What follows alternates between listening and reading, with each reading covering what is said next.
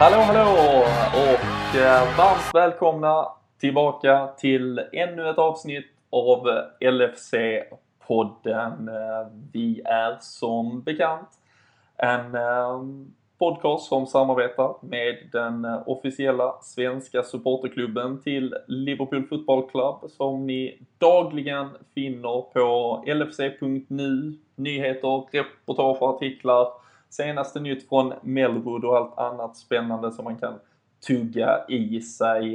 Det är även där ni ganska enkelt kan lösa ett medlemskap, stötta en sån här verksamhet och eh, med det ta del av eh, härliga erbjudanden, följa med på supporterresor, gå på träffar i vårt avlånga land och eh, mycket annat. Så segla gärna in på lfc.nu om ni inte har gjort det tidigare.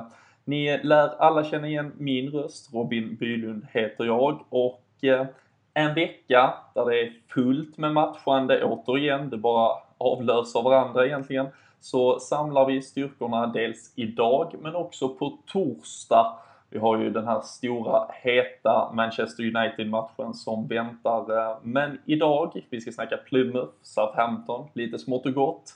Daniel Forsell, Kalle Sundqvist, eh, ni joinar mig och är starka dagen till ära. Det stämmer. Starka framförallt skulle jag säga. Framförallt starka. Och eh, för Kalle Sundqvist känns det, känns det gött att försöka beta av lite FA-cup, ligacup. Eh, klarar man av det med United framför sig? Eh, ja, i viss mån gör man väl det. Man fortsätter väl snegla lite grann mot United-matchen, men vi har ju en semifinal här i veckan också som, som tar, tar en del av intresset. Så att, det ska nog gå bra. Mm. Hur känns det här Danne? Vi satt ju och snackade lite innan vi nu gick, eh, gick igång med inspelningen. Vi har pratat så mycket om den intensiva jul och nyårsperioden och, och nu har vi nästan en än mer intensiv period framför oss. Uh, är, är, är det charm eller börjar det bli nästan jobbigt med hur mycket matcher vi har här?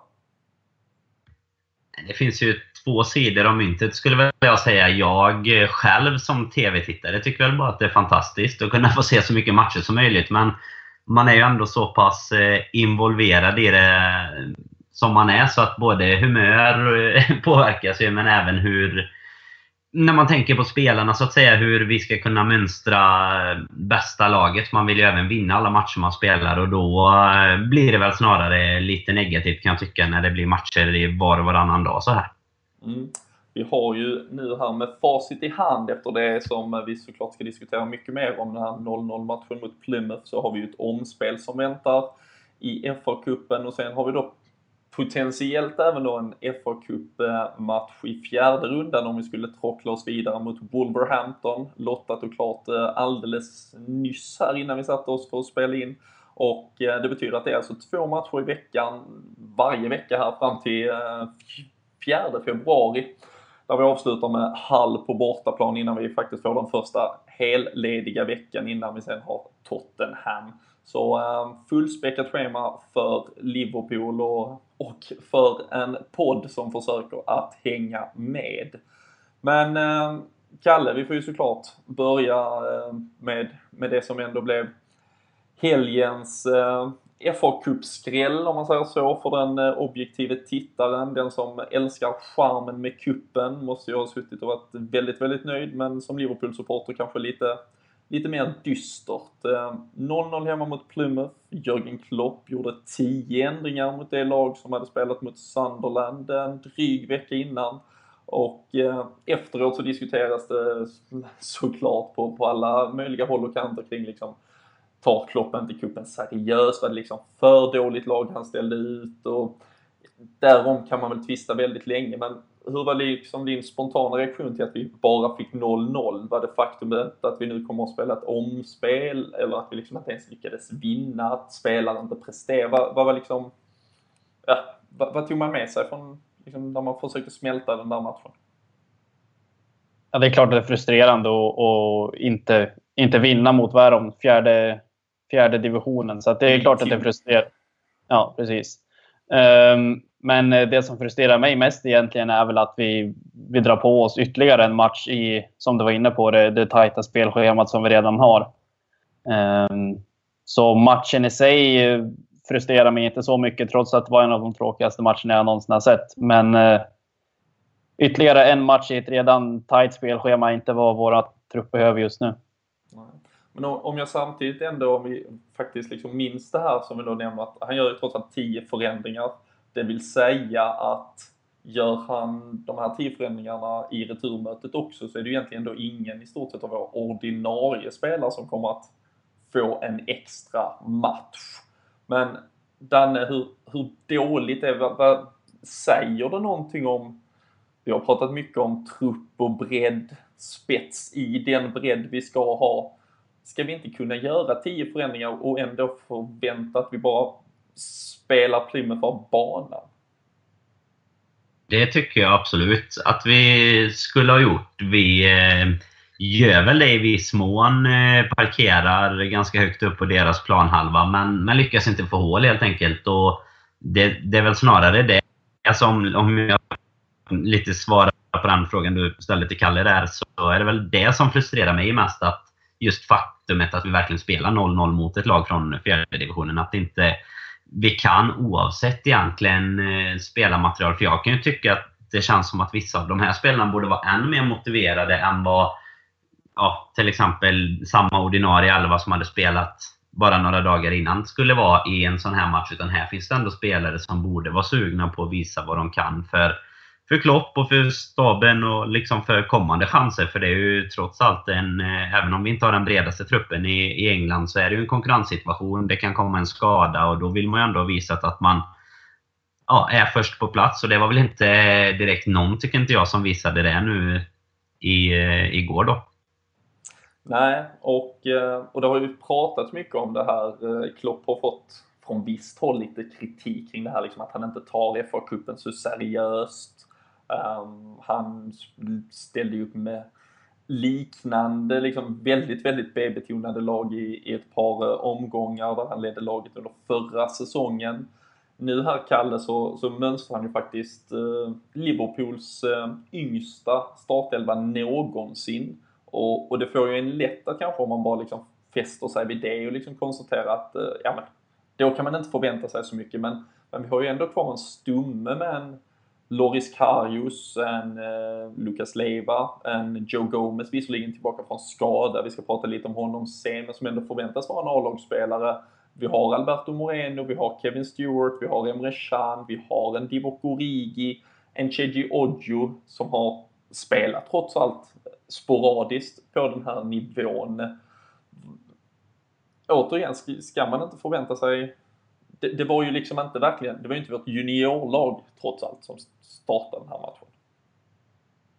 Nej, det var det inte. Det var jag inne på. Vi har ju egentligen en central linje som med Karius, Lukas, Tjärna och Origi egentligen som spelar frekvent i Premier League. Eh, så att vi spelar absolut inte med något juniorlag och när startelvan kom så det var ingen elva som väckte några frågetecken hos mig egentligen. Jag tyckte att det var bra att vi, vi ställde ut det laget som vi gjorde i och med att våra ordinarie spelare måste vila också. Och jag var övertygad om att vi skulle vinna rätt övertygande mot Plymouth med det här laget. Men eh, 28 skott varav fyra på mål och inte ett enda i mål är väl ganska talande för matchen plus 77 procents innehav. Så att vi, vi ägde ju matchen. Plymouth hade ju just ingenting egentligen, men att inte få hål på dem, det tycker jag är, det är underkänt. Mm.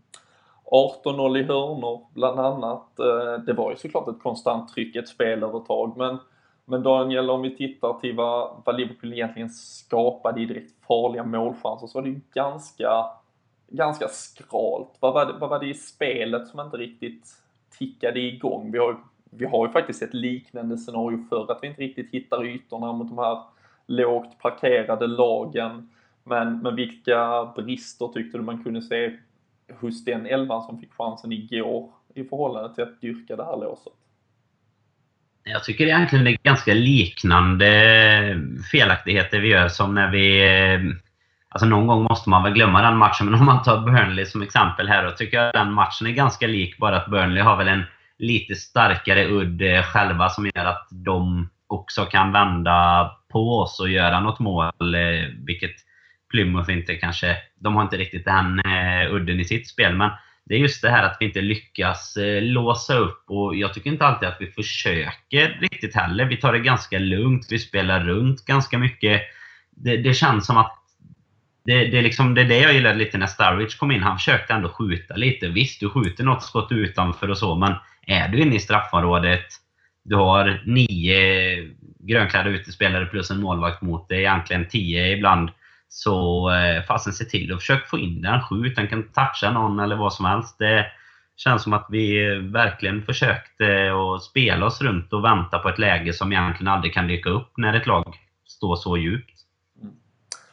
Det, vi nämnde att det var tio förändringar. Den enda spelaren som då var kvar från startelvan eh, i den senaste Premier League-matchen där mot Sunderland var ju Emre Can som, som vi egentligen efter den matchen också satt och, och liksom ändå reste några frågetecken kring eh, tysken. Man hade liksom en initial känsla att han verkligen var en av de som skulle bara liksom skena iväg i utvecklingen under Klopp. Men har väl på den senaste tiden kanske snarare tyvärr på något sätt bevisat en motsats. Eh, liksom, känns inte som att han är helt hemma och kändes inte alls som att han tog det ansvaret du var inne på. Det Kalle, han är en del av den där centrallinjen igår som man liksom ska förvänta sig väldigt mycket av. Vi, vi hade en omröstning på Twitter under dagen där numera faktiskt 80% röstar för att om liksom alla är skadefria så hör han faktiskt hemma på bänken i dagsläget. Eh, bara 15% tycker att han är en startspelare. Det är ju, jag tror bara vi hade behövt egentligen gå tillbaka ett par månader, ett halvår så hade han ju, ja, om inte ja, minst 50-50 liksom. Det är liksom många som verkligen såg honom som, som den vi skulle bygga ett mittfält kring. Vad, vad är det som saknas? Vad, vad har hans udd tagit vägen och vad är det som gör att han inte kommer till rätta i det här och, och leder oss framåt, Kalle? Ja, det är en ganska svår fråga att svara på. För att komma tillbaka till det du sa där inför, inför säsongen. Jag minns när vi spelade in den här livepodden i Göteborg. Det var första podden vi spelade in. Då var många av oss övertygade om att han skulle mer eller mindre peta Wijnaldum över hela säsongen. Um, det, har det var till och med kaptens eh, intention. Här pratar vi om. Ja, eh, så att han har ju inte riktigt levt upp till våra höga förväntningar och många andras heller. Um, det jag tycker hans... Nu senast, vissa matcher har han ju fått spela lite mer i en spelfördelad roll och det tycker jag inte han alls passar i. Eh, i mina ögon är han en spelare som mer eller mindre ska vara en offensiv mittfältare och bara... Jag tror det var du som skrev det på Twitter igår Robin, som var bra skrivet, att matchen ska egentligen bara gå förbi honom och han ska vara, vara, vara inne i det. Det är då han är som bäst, när han egentligen inte hinner tänka. Ehm, det är svårt att säga vad, vad som är fel egentligen. Jag tycker mest bara att det ser uddlöst och, och klumpigt ut i många fall. Mm. Ja men det var ju så, som jag var, var inne på det igår, jag diskuterade även med, med några, några andra här på Twitter under dagen just kring hans utveckling och han, han var ju en ganska, han, han, gjorde ett par riktigt, riktigt fina matcher som, som ändå defensiv mittfältare under eh, våren här, eh, ja, snart ett år sedan. Och, men där han framförallt liksom fick spela defensiv mittfältare på det sättet som man vill, liksom, alltså kriga. Verkligen liksom bara ta för sig, alltså kötta. Väldigt eh, förenklat uttryckt. Men, men i den här, framförallt den här rollen som han förväntades ha mot Sunderland och liksom var den som satte fart på bollen och höll den rullande så kändes det inte alls som att han hittade rätt. Och även här där vi blev så extremt spelförande som vi blir mot Plymouth och, och, det blir liksom just att fördela boll, hitta de små ytorna, vara liksom lite rapp i både tanke och utförande. Så, ehm, så, så, visar han ju tyvärr att han inte riktigt är framme på den nivån. Och, eh, han ville ju försöka leda, han tog en frispark bland annat tidigt och liksom ville ändå steppa upp det. Men, men kände som att han inte tyvärr hade kapaciteten till det. Så um, han har, jag tycker ju i, det, i dagens Liverpool så så är det ju när han får axla någon form av box-to-box mittfältarroll, spela bredvid Wijnaldum eller bredvid en Adam Lallana och ha liksom tryggheten och bollfördelandet från Jordan Henderson eh, bakom sig. Men ehm, ja, det är ju tydligt var opinionen nu har vänt och eh, att 80% vill sätta honom på bänken är väl eh, en signal om något där egentligen. Ehm, Sen var det ju en annan mittfältare också, den eh, Kevin Stewart fick återigen chansen. Han eh, är också en spelare som har varit fog för diskussion. Han, eh, ja, jag, jag har varit ganska tydlig tidigare med vad jag tycker om hans kanske position i Liverpool, men hur höll han ens på denna nivån? Han är ju faktiskt tänkt att kunna liksom vikariera för Jordan Henderson i vilket sammanhang som helst med tanke på att vi inte har förstärkt i övrigt. Eh, hur, hur skötte han sig? Nej, men om man tar han, alltså han, Kevin Stewart som helhet lite till en början. Så vi har ju pratat om honom lite tidigare också. Vi var ju inne på transferdiskussionen här nu när Siljefönstret öppnade förra veckans podd där. Och diskuterade lite att vi, vi gärna hade sett att vi nu egentligen ökar på, alltså både nu och till sommaren ökar på med den här bredden som kanske City eller Chelsea eller liknande klubbar har där man egentligen kan byta ut en spelare mot en i alla fall nästintill likvärdig. Det kanske snarare beror på dagsform när vi pratar till exempel Henderson, Wijnaldum, Chan, alltså att det är den nivån på, på ersättarna också. Men jag tycker väl inte att Kevin Stewart egentligen visar eh, någonting mot ett League 2-lag eh, heller som stärker hans aktier. Även om nu det är inte så många andra som gör det heller, så jag ska väl inte säga att han inte håller eh, League 2-nivå bara för det. Utan då, då gör väl inte Divock eh, Origi det heller. Men jag, jag, tycker liksom det finns... Han har inga spetskvaliteter direkt. Jag vet inte riktigt vad de ser hos honom man ska väl inte hänga upp sig på, på ålder och så heller, men vi har ju sagt det många gånger att han är ju inte så... Han är ju inte en av de här unga grabbarna heller. Det är ju inte Alexander Arnold eller Woodburn liksom, utan han är till och med äldre än eh, mittfältskollegan Chan liksom. Och då, då kan jag väl tycka att vi har två rätt olika nivåer av spelare. Även om Chan är eh, någon formdipp här så vet jag inte om jag tycker att jag hellre hade litat på Kevin Stewart när vi åker till Old Trafford till exempel.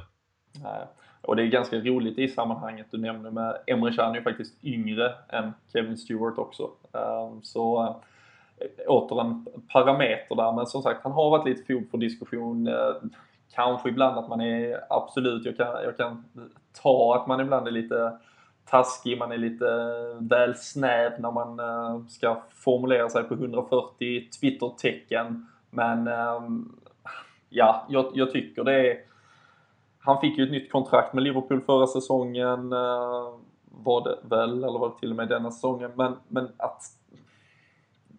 Självklart ska man inte bara skeppa iväg en spelare, men att på något sätt liksom försöka lura i någon att han skulle vara ett, liksom ett hållbart alternativ för att vikariera på ett mittfält som vill faktiskt vinna Premier League. Det, det tycker jag väl tyvärr blir lite det är inte den nivån vi bör rekrytera spelare på. Och ehm, även om eh, också då en Twitteromröstning, 37% tycker att han är en helt okej okay truppspelare, så, så verkar väl även majoriteten där instämma med vad vi, vad vi tänker här då kring 61% som tycker att han bör säljas när chansen ges. Men eh, det var ju flera andra ungdomar då, framförallt om vi pratar riktiga ungdomar, Kalle, som fick chansen här mot eh, Plymouth. Vi pratade lite om att ingen riktigt tog den, men eh, vad tyckte du annars om att se en Ben, Wood, ben Woodburn eh, och Viegaria få, få ändå speltid mot lag som trots allt gör det svårt för en om man säger?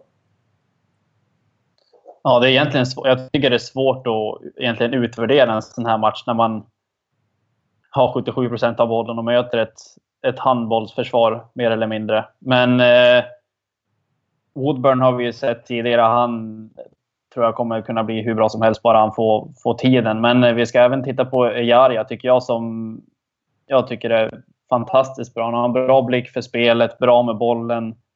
Tar kloka beslut trots att han är så pass ung. Eh, så att båda de två egentligen ser väl jag mer fram emot att se än Stewart. Jag vet inte ens vad Kevin Stewart är bra på om jag ska vara eller. Och i mina ögon var det en gåta varför vi förlängde hans kontrakt. Men eh, som sagt, efter matchen igår är jag svårt egentligen dra några dra några slutsatser egentligen. Men Woodburn och Ejaria tycker jag är två av våra mest lovande spelare. Mm. Nej, jag tycker också Ben Woodburn eh, såklart liksom med det här eh, yngst målskytt någonsin och liksom verkligen eh, äh, hypad talang dessutom liksom lite längre fram i banan. Väcker alltid lite extra uppståndelse men såg man liksom första 20-25 minuterna just nu har vi pratat Emre Can och Kevin Stewart, den tredje på det där mittfältet var ju Ejaria och det känns som att han var den enda om ändå från en lite högre position som ville liksom ändå sätta fart på bollen. Han satte ett par djupledsbollar väldigt fint både till Moreno och Alexander Arnold som liksom löpte fram på kanterna och, och ville liksom hålla igång bollen. Och eh, där tror jag, vi har ju sett, han har ju fått bland annat ett inhopp i Premier League, eh, Watford hemma var ju till och med delaktig i ett mål och sådär. Han, han har det där som dagens Liverpool söker i form av liksom speed i både fötter och hjärna klok, tänker, liksom hittar ytor, vill söka dem, söker även upp dem själv med sina löpningar. Där um, känns ju som att han jobbar lite i skymundan så att säga bakom Don Woodburn till exempel men jag tror absolut vi har ett riktigt guldkorn in the making där åtminstone. Men äh, vi får ju se. Ehm, opinionen som sagt, Kevin Stewart och Emre Can är inte på har väl inte fullt förtroende just nu så vi får ju ställa vårt hopp lite till att Jordan Henderson är tillbaka. Om inte nu i veckan så mot Manchester United här till helgen åtminstone. Men eh, Danne, har vi något annat från Plymouth-matchen att uh, ta med oss? Uh, magin kring FA-cupen, finns den där? Eller uh, hur känner man kring en sån här match generellt när den är färdigspelad? Ja, det hade väl varit mer magi om någon av våra eh, toppkonkurrenter i ligan hade, hade åkt på stryk mot något eh, bunkagäng eh, någonstans ifrån. Eh, om man hade kunnat skratta lite åt det när det drabbar en själv. Så, så ytterligare en match, eh, som sagt, i spelschemat så, så känns det väl inte så magiskt för en själv. Men det, det, är klart det finns något där. Det är ju häftigt för dem. Eh, men jag tycker väl också det som är det stora problemet med att vi får spela en match till, även om vi kommer spela med en helt annan trupp och kanske ett ännu sämre lag om det skulle behövas så att säga eh, i nästa match. Så är det ju ändå det här att det stör rytmen lite med träningar. Klopp kommer ändå vara, vara där. Liksom, de kommer behöva åka dit, förbereda sig. Det är lite det som jag tycker stör mig lite. Annars eh, så är det just det att vi inte kan slå ett fjärde divisionslag oavsett eh, trupp egentligen som, som gnager. Liksom. För det är inte så att jag grät några floder över att vi spelar 0-0 heller. Utan tyvärr en liten eh, axelryckning nästan. Eh, men utöver den frustrationen då. Mm.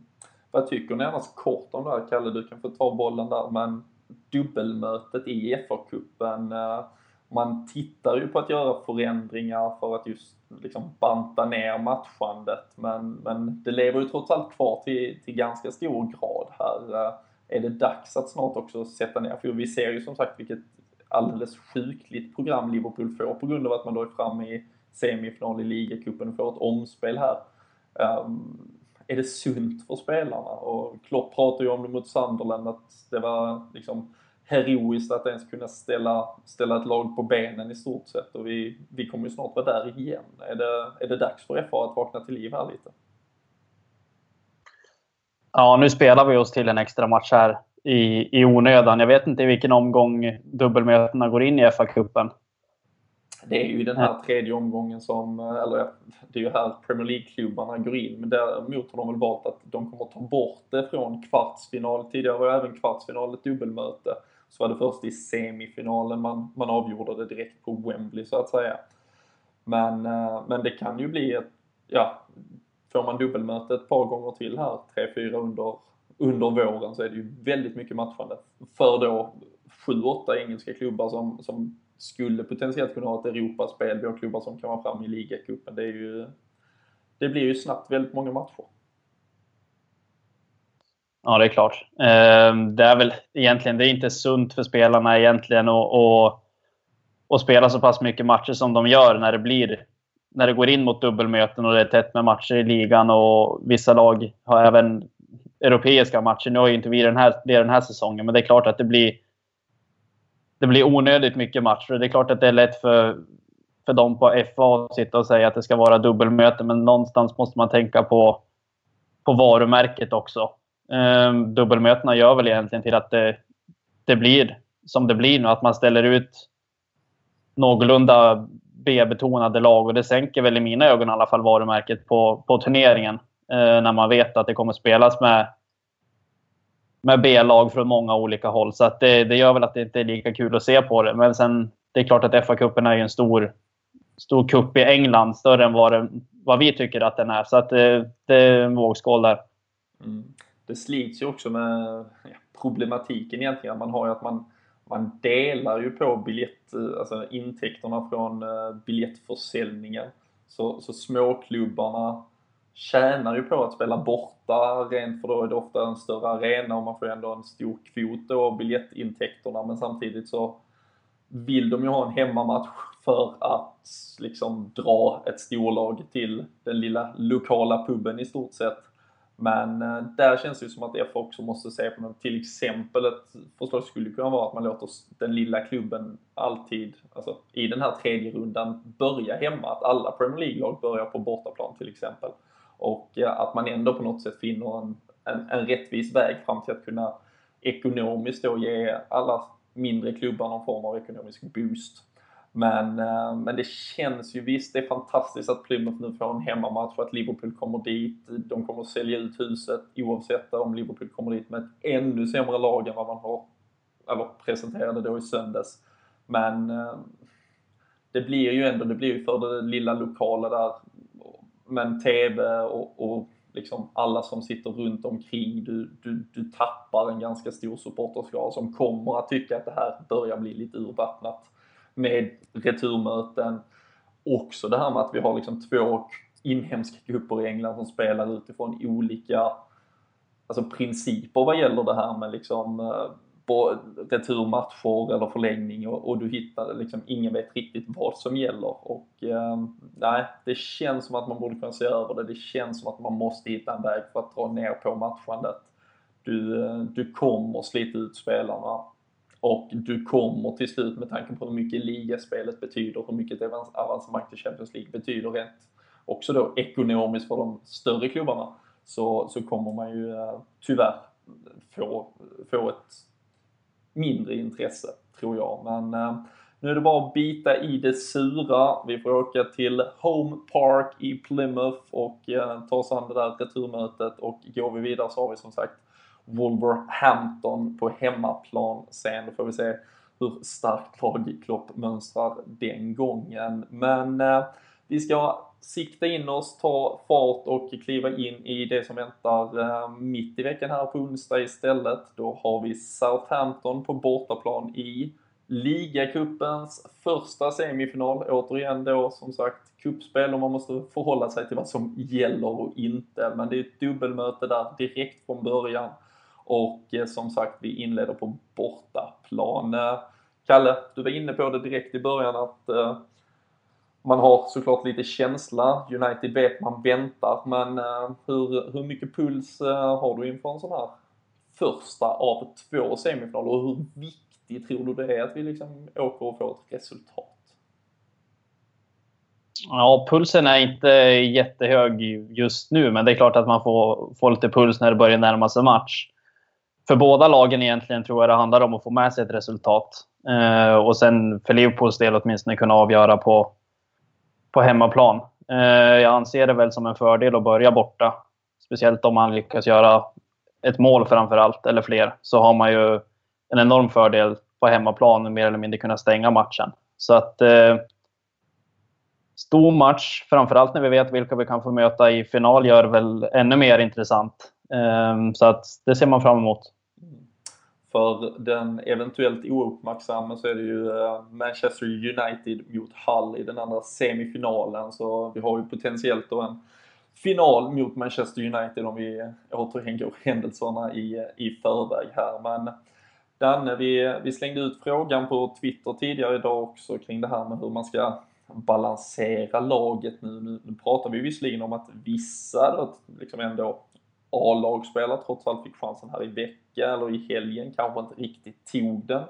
Och, och nu går väl då liksom frågan och liksom balansen kring, eh, kan vi liksom mönstra starkaste elva både onsdag och söndag? Eller krävs det lite rotation lite ändå, någon balans här. Eh, vi hade frågan ute och Eh, det var lite drygt, eh, ja, två tredjedelar, 66% som tycker att vi fortfarande faktiskt ska mixa laget här på onsdag. Medan 24% tycker att vi ska spela det bästa och 10% har väl eh, varit på flaskan och tycker att vi ska spela ett B-lag rakt av. Men hur, hur känner du kring det och hur vi och, och vad tror du är bäst även med United-matchen i sikte? Är det lika bra att låta liksom, ett lag spela två matcher här nu eller behöver vi hitta någon balans?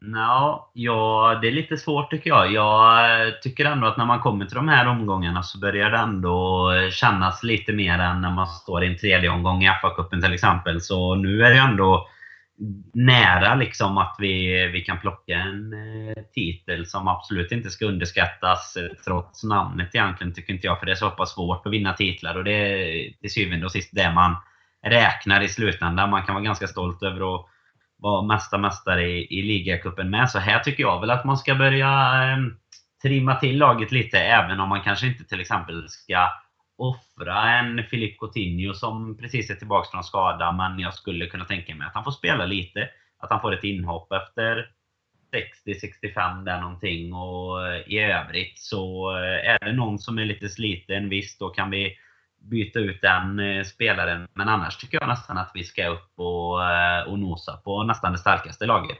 Till exempel skulle jag kunna tänka mig att se Lorius Karius. Alltså en sån, ett sånt byte skulle jag faktiskt kunna tänka mig att se. Men inte liksom att vi kör Alexander Arnold och Woodburn och Ejaria och Ojo och alla i startelvan. Det är inte, inte den eh, digniteten riktigt som jag vill se i alla fall. Vi, vi ska egentligen, vi har lämnat hela den här målvaktskarusellen bakom men det är egentligen ganska intressant för det, det här har ju varit Simon Mignolets turnering, Kalle. Det var han som faktiskt har fått, det var ju det han fick liksom eh, inledningsvis. Han fick ligacupen och han varit med då och lett fram laget till en semifinal. Nu däremot, så sent som idag, så, så pratar ju Klopp om att Loris Karius troligen tar över tröjan här. Såklart med sikte på då att det är Mignolet som vaktar målet i Premier League. Hur, är det rätt eller fel att göra på ett sånt sätt nu? Ja, det är lite svårt att säga egentligen oavsett. Det hade ju absolut inte varit några problem för Mignolet att stå på onsdag och sen stå på söndag igen. Ehm, däremot så när Karius fick chansen senast mot Plymouth, han hade ju inte jättemycket att göra precis. Så att eh, ur den synvinkeln så förstår jag att, att de kommer spela honom. För det misstänker jag att de kommer göra. Och det lät ju som du sa på Klopp också att de skulle göra det. Um, så jag tycker väl egentligen att det kan vara klokt att spela honom. Men på, för, på förhand då. Men eh, man vet ju aldrig man sitter och svär i efterhand om man fortsätter göra någon blunder. Men nu ska man inte gå händelserna i förväg där heller. Nej. Vi, eh, vi har ju som ni har nämnt, du var inne på det där när vi har Filip Coutinho som är på väg tillbaka från skada. Vi har ju även haft uh, lite uh, frågetecken kring en uh, James Milner, en Jordan Henderson, Joel Matip bland annat. Det var ju tidigare faktiskt ett frågetecken kring Daniel Sturridge som väl ändå då rätades ut i och med att han fick ett par minuter här, eller kom in och fick en dryg halvtimme mot Plymouth. Men eh, annars var det ju också så att Roberto Firmino och Adam Lallana tvingades in i det här i något desperat försök. Tror ni liksom att vi kommer spelarna palla och när ska vi annars hitta vi nämnde att den här returmatchen mot Plymouth kanske är något läge för vila sen för dem men kan, kan liksom en spelare, en Adam Lallana, Danne, vi har pratat om hur, hur mycket han löpte över nyårshelgen. Kan han liksom spela 90 minuter två gånger i veckan? Jag tror att han kan göra det två gånger eh, denna veckan, men då skulle jag ju inte se han mot Plymouth borta sen till exempel. Eh, alltså att han spelar mot Southampton på onsdag och sen spelar han mot United på söndag då. Men sen efter det får han egentligen en, eh, en veckas vila till, till nästa Premier League-match där hemma mot Swansea egentligen. Så det, ja, jag hade gärna sett det i alla fall. Jag tycker ändå att den är så pass, jag tycker det är jäkligt viktigt att få med sig ett resultat och är väl inne på samma spår som Kalle där och, och som säkert de flesta är att det är, man har en liten fördel när man får starta borta. Man eh, har ju givetvis, i, till syvende och sist är det ju ändå hemmamatchen som blir fördelen, men att man då vet lite vad man behöver och satsa på när man väl eh, tar emot dem på Anfield sen. Och då tycker jag ändå det är viktigt att vi minst får med oss kanske en, ett lika resultat, men gärna har gjort något, något mål borta med faktiskt. För det är ändå ett ganska tufft lag att möta Southampton. Mm. Och vi kan ju gå in lite på Southampton. Vi ska återvända sen till, till hur vi faktiskt tror att uh, Liverpool mönstrar laget där på St. Mary's. Uh, men uh, Southampton hade ju faktiskt precis som oss ja, och som alla andra, men de hade ju FA Cup-omgång i helgen och, och fick faktiskt också endast med sig ett omspel. Mötte Norwich på bortaplan och såklart med ett ganska försvagat lag och så har de ju också lite eh, bekymmer i försvarsleden. Eh, Kalle eh, José Font, lagkapten, portugisisk EM-mästare i somras bland annat. Lämnat in en transfer request egentligen snart en vecka sedan faktiskt utan att något heller har hänt. Så verkligen turbulens där och vi har ju tidigare även pratat om Virgil van Dijk, mittbackskollegan som har ryktats eh, till Liverpool bland annat. Och eh, hur, hur tror vi att Southampton mår eh, inför den här matchen? Och är det, om det nu finns sådana, bland, bland de bästa tidpunkterna att faktiskt möta dem just nu också?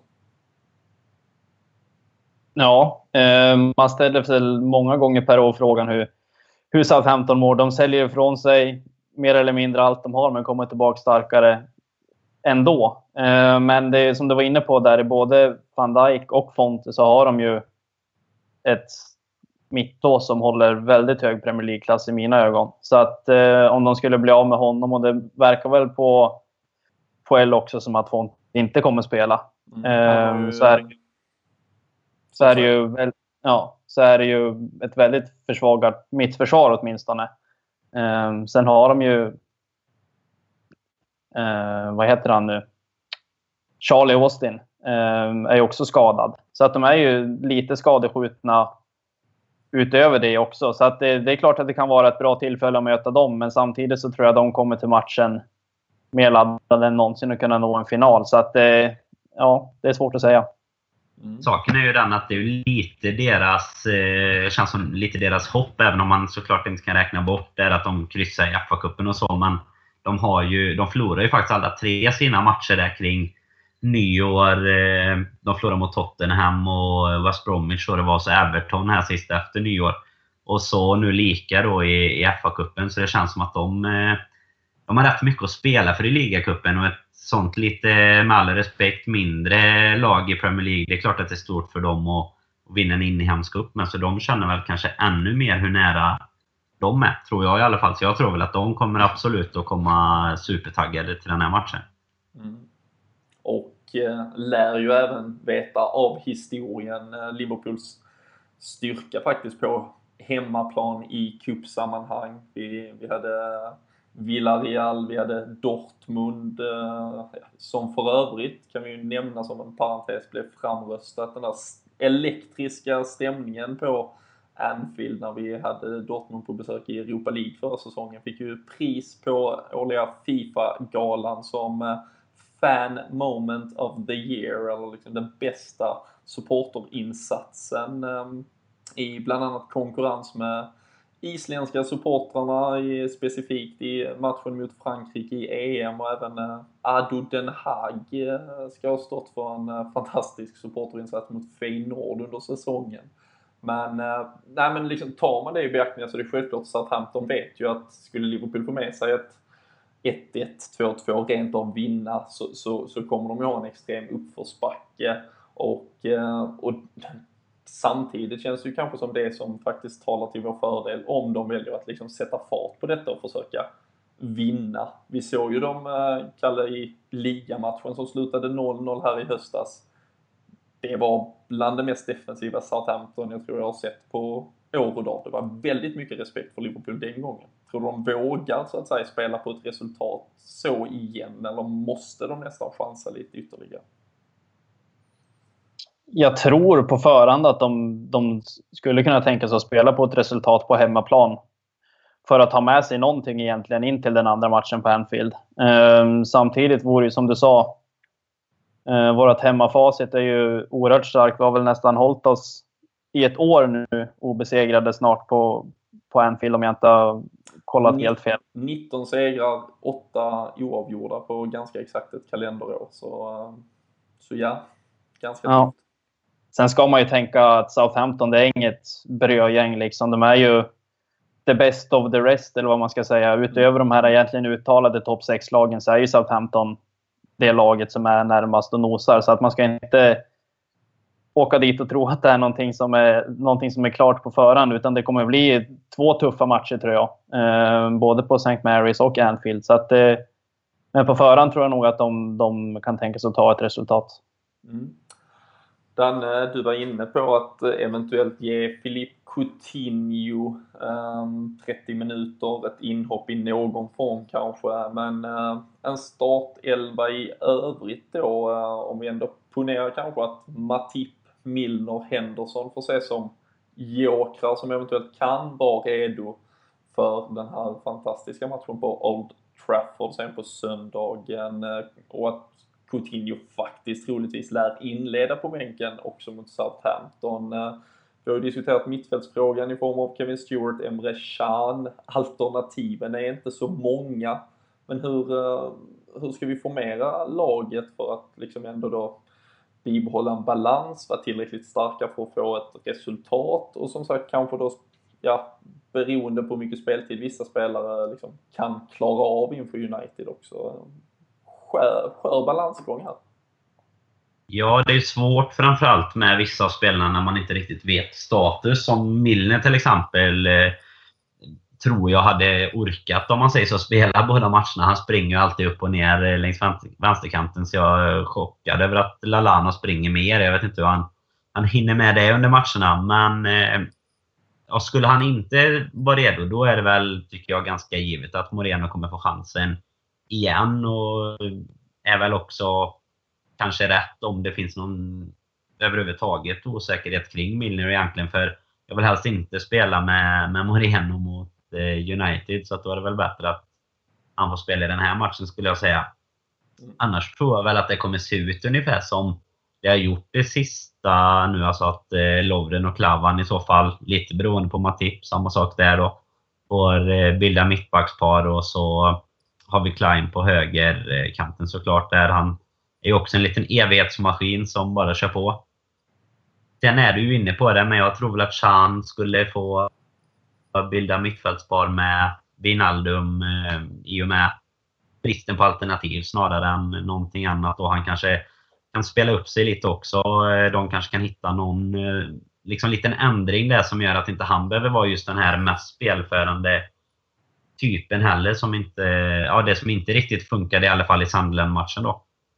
Och eh, sen är det ju lite spännande nu. Mané har ju försvunnit också. Så hur vi ställer upp där uppe blir ju också en eh, liten fråga. Om inte nu Coutinho kommer att starta så eh, vad kan vi se egentligen? Vi kommer ju se Firmino och Lalana, tror väl jag. Jag som sagt tror på ett rätt starkt lag. Sen är det ju om, om Starwich och Origi kommer att spela eller hur vi väljer att formera det där uppe. Det eh, vågar jag nästan lämna över till Kalle Klopp. Precis, men, men ett mittfält med Emre Can, Wijnaldum, Lallana då på något sätt och så Firmino, Ja, Origi. Sturridge eventuellt. kanske. Ja, men åt, åt det hållet tror jag. Och sen som sagt skulle jag nog kunna eh, tänka mig att lämna över eh, tröjan i mål där till Karius också. Och ge han eh, chansen lite som du var inne på omvänt egentligen. Att nu är det han som får den här eh, chansen att visa i ligacupen varför han ska fram egentligen då. Mm. Ja, det hade väl eh, det hade ju varit vackert åtminstone om han på något sätt också gick in och, och var avgörande och bidragande i, i en eventuell då, slutresa här till finalen till Wembley. Men vi får ju se, där är det ju minst 180 minuter att spela.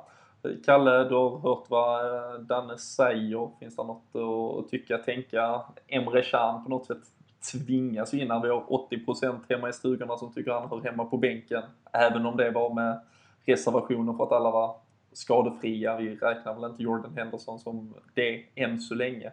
Hur, eh, är det Emre Can då naturligt som måste in där på något sätt eller kan vi lösa det här på något annat sätt och, och få ut något bättre? Mm, Klopp menar väl på, på presskonferensen tror jag att eh, Henderson är tillbaka i träning på torsdag. Så han är väl inte inte aktuell för det här. Eh, Milner däremot verkar inte vara något problem med. Eh, hjärnan och hjärtat skiljer sig väl åt lite där. Jag skulle faktiskt kunna tänka mig att spela både Moreno och Milner. Att Moreno spelar vänsterback och att Milner egentligen går in på en eh, mittfältsposition istället för Chan. Det är någonting som jag skulle kunna tänka mig, men jag tror inte att fallet kommer bli så. Um, I övrigt tror jag väl, som Danne var inne på, Karius, Klein, Lovren, Klavan. Sen tror jag att Milner kommer spela vänsterback. Um, sen utöver det så är jag inne på, inne på samma spår som Danne egentligen. Um, frågan är om vi kommer spela med både Origi och Starwich eller om en av dem kommer spela. Um, det känns ju också som att vi just nu, som vi har nämnt, med, med Sadio Mané iväg, med Filip Coutinho skadad, uh, om än på väg tillbaka. Det, det ryktas ju intensivt om förstärkning till de där riktigt offensiva positionerna.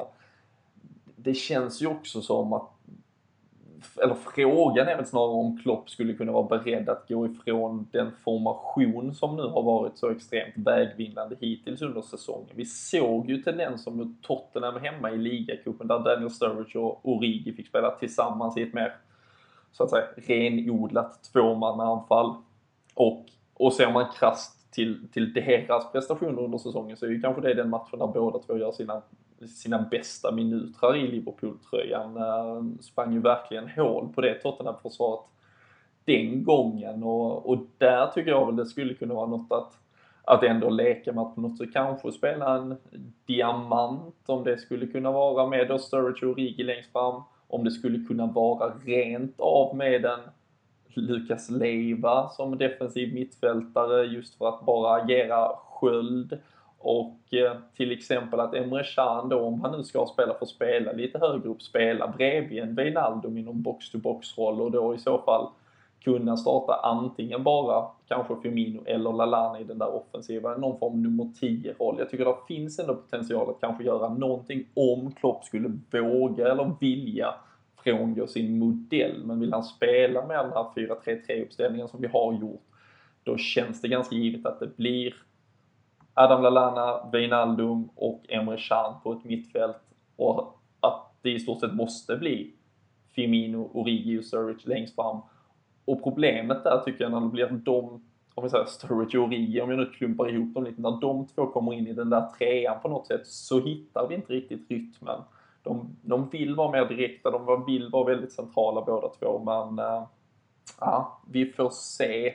Och äh, framförallt så hoppas jag väl, som ni också nämnt, att vi inte gamblar med någon i alla fall. En James Milner, om än att han liksom är 99% i spara honom till Manchester United. Det, det är trots allt där tror jag vår säsong kommer att definieras. Vi, vi, vi kan nästintill omöjligt, nu, nu kan jag ju absolut få äta detta, uh, ska, liksom skapat så pass mycket trubbel på 90 av de här 180 minuterna mot Southampton, även om vi väljer att vila några spelare. Vi kommer ha en reell chans på hemmaplan en vecka senare, två veckor senare.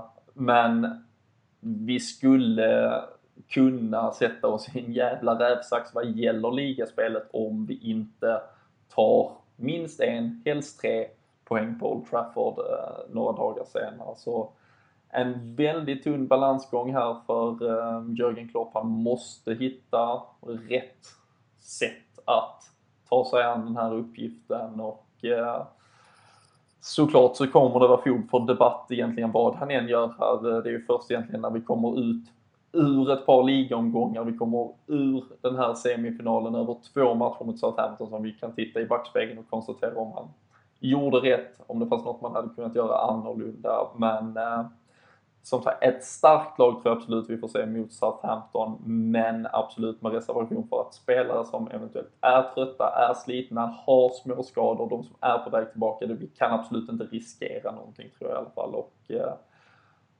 är väl ganska förhoppningsfull kring att Jörgen Klopp tänker likadant i alla fall. Men eh, Daniel, du har ju varit eh, vår mästertippare tidigare. Hur är känslan? Det är ju svårtippat verkligen just eftersom det är två matcher här och man inte riktigt vet hur lagen resonerar. Men eh, känslan så här spontant inför första av då två semifinaler mot Southampton? Känslan säger nog 1-1 eh, i den här första matchen. Eh, tror jag. Vi kryssar oss eh, vidare. Tjusigt. Kalle, tidigare optimist, eh, klassificerad. Eh, trodde väl i att vi skulle slå Sunderland också, men uh, där tog det stopp. Hur, och Plymouth. Och Plymouth, så, såklart, som alla andra. Men hur är känslan mot Southampton? Jag hade faktiskt också tänkt att säga 1-1, men jag får väl dra fram några av mina optimistiska drag och säga att vi vinner 2-1 då. Snyggt två mål hade varit... Uh, alltså, vi gör ju två mål rätt ofta, men efter, efter en 0-0 match känns det jävligt gött att göra, göra, göra mål igen. Så uh, det låter, uh, låter bra. Känns också som att en uh, Roberto Firmino gärna hade fått göra mål. Det känns som att han har varit lite under isen. Jag tror också att han kommer må väldigt bra av att få tillbaka lekkamrat Coutinho här ganska snart. Men jag är väl inte lika resultatoptimistisk och är väl kanske rädd för att vi får se ett eh, 0-0 resultat återigen och ehm, då har vi väl ganska jämna ehm, odds inför den där sista avgörande matchen, om än såklart med, med lite fördel Liverpool. Men eh, 0-0 i en match där vi ändå får möjlighet att vila några spelare. Och ehm, så om några dagar så hörs vi igen här i podden och då kommer vi snacka upp Manchester United-matchen istället. Det blir också då vi återkommer med eh, tipstävling tillsammans med Sam Dodds, men eh, ni har hört lite tankar inför Southampton-matchen också. Så eh, tack till alla er som har eh, lyssnat. Tack eh, Jocke, tack Jocke för att han sitter hemma, eller Kalle och Danne eh, för att ni har suttit med här menar jag såklart. Ehm, ha en eh, riktigt härlig vecka allihopa. Vi hörs eh, om några dagar igen.